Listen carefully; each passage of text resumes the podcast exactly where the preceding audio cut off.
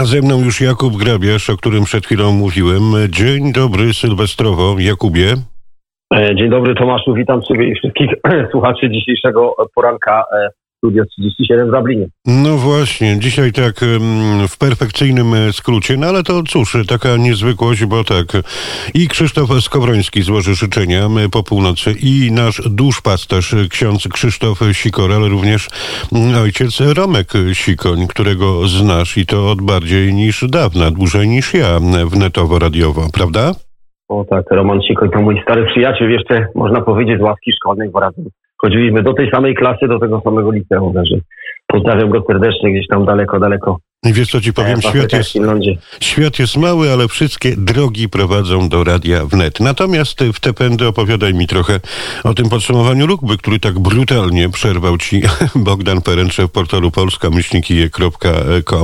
i to w takim telegraficznym skrócie, bo zapowiesz niezwykłą pieśń w finale. E, no tak, proszę Państwa, w zeszły piątek nie skończyłem podsumowania sportowego, e, które właśnie rozpocząłem e, różnymi dziedzinami sportu, między innymi olimpiadą i tak dalej, ale nie mówiłem o rugby. E, rugby, o którym tutaj dużo mówimy na antenie, działo się wiele, wiele w, tym roku kalendarzowym. Profesjonalne rugby ma to do siebie, że drużyna, drużyna Irlandii rozgrywa około 12-13 meczy rocznie w tym roku, początek, początek roku 2021 był taki mieszany. No, pamiętamy, e, pamiętamy turniej sześciu narodów. Irlandczykom tam nie szło dobrze, zajęli trzecie miejsce, ale ten zespół był taki, że można było tak powiedzieć, że nie wiadomo na co ich stać. Raz grali dobrze, raz grali gorzej niż źle. No ale cóż, przyszła jesień i jesienne te mecze testowe e, z, drużynami z południowej półkuli i tutaj wielki, wielki sukces. Irlandczycy zagrali swoje najlepsze rugby, rugby, którego nie widziałem od wielu lat pokonali, e, jak my to tutaj mówili, zmłotkowali Japonię, wygrali też również, zmłotkowali Argentynę, a co najciekawsze, na sam koniec wygrali z Nową Zelandią w przepięknym stylu, nie dając szans e, drużynie All Blacks na jakiekolwiek, na jakiekolwiek e, rozegranie rugby, takie, do jakiego przyzwyczailiśmy się przez ostatnie lata. Więc tak, na pewno jest to rok udany dla irlandzkiego rugby to dobrze świadczy, to dobrze świadczy o tym i, i dobrze prognozuje na przyszły sezon, bo już, już niedługo, już za pięć tygodni pierwsze mecze turnieju sześciu narodów 2022, także już nie możemy się doczekać. Także życzymy reprezentacji jak najmniej y, zachorowań covidowych i infekcji, żeby te mecze się odbyły. No i miejmy nadzieję, że będzie tylko, tylko lepiej.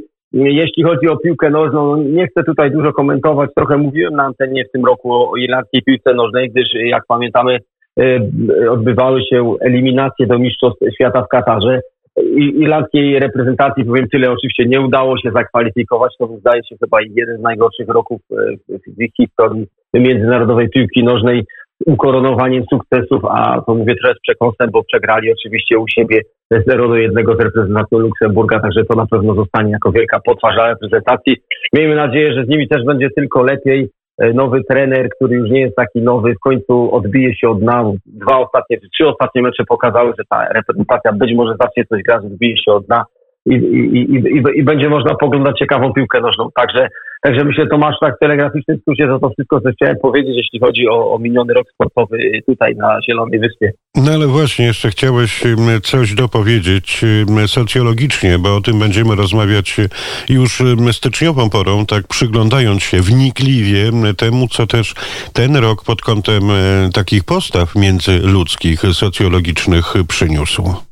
No tak, obserwując moje otoczenie, gdyż, gdyż w zasadzie nie mam styczności z naszymi rodakami, z Polakami, pracuję zupełnie w irlandzkiej firmie i też takich ludzi spotykam. No, no cóż powiedzieć, ten rok o tej porze pamiętam, e, mieliśmy nadzieję na, na zupełnie inny rok. E, większość społeczeństwa tu w Irlandii miała takie przeświadczenie, że ta pandemia i to wszystko, z czym borykaliśmy się w poprzednim roku, ja myślę o 2020, że ten rok 2021, który już kończymy, E, będzie zupełnie inny, że tak jak zmienia się kartka w kalendarzu z 31.12 na 0101, e, zamknie pandemię i wszystko będzie ok, że przyszły nowy rok, to, to, to w ogóle zapomnimy o tym, co było jednak, no jak już sami Państwo wiecie, no tak nie było, cały ten rok borykaliśmy się z pandemią i wszystkimi jej skutkami, szczególnie tu w Irlandii, gdyż E, ja tutaj mówię, że, że porównując to, jak, jak e, mieszka się w Polsce czy we wschodniej Europie, no to my tu żyjemy w państwie totalitarnym i państwie terroru, jeśli chodzi o, o, o, o COVID i wszystko z tym związane, bo oglądając irlandzkie wiadomości, które trwają 30 minut,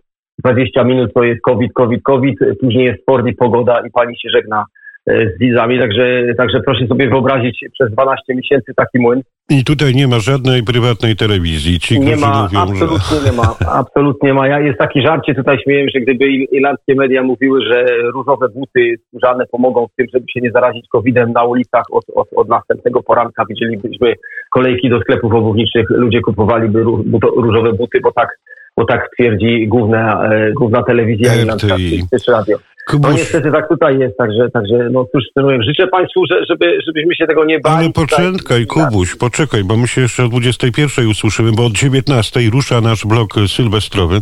Natomiast panie i panowie, dzisiaj samotne kobiety z Irlandii rozpaczliwie czekają na Sylwestra. Dlaczego?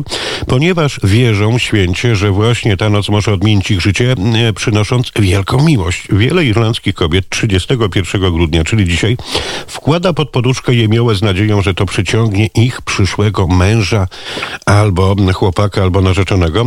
Ale w irlandzkiej kulturze to jeszcze od czasów Celtów uważa się, że taki zabieg, czyli brzuta mm, jemioły pod poduchę, pomaga pozbyć się pecha. Kubuś, o 21 słyszymy się i zawsze coś wyczarujesz sylwestrowo niezwykłego.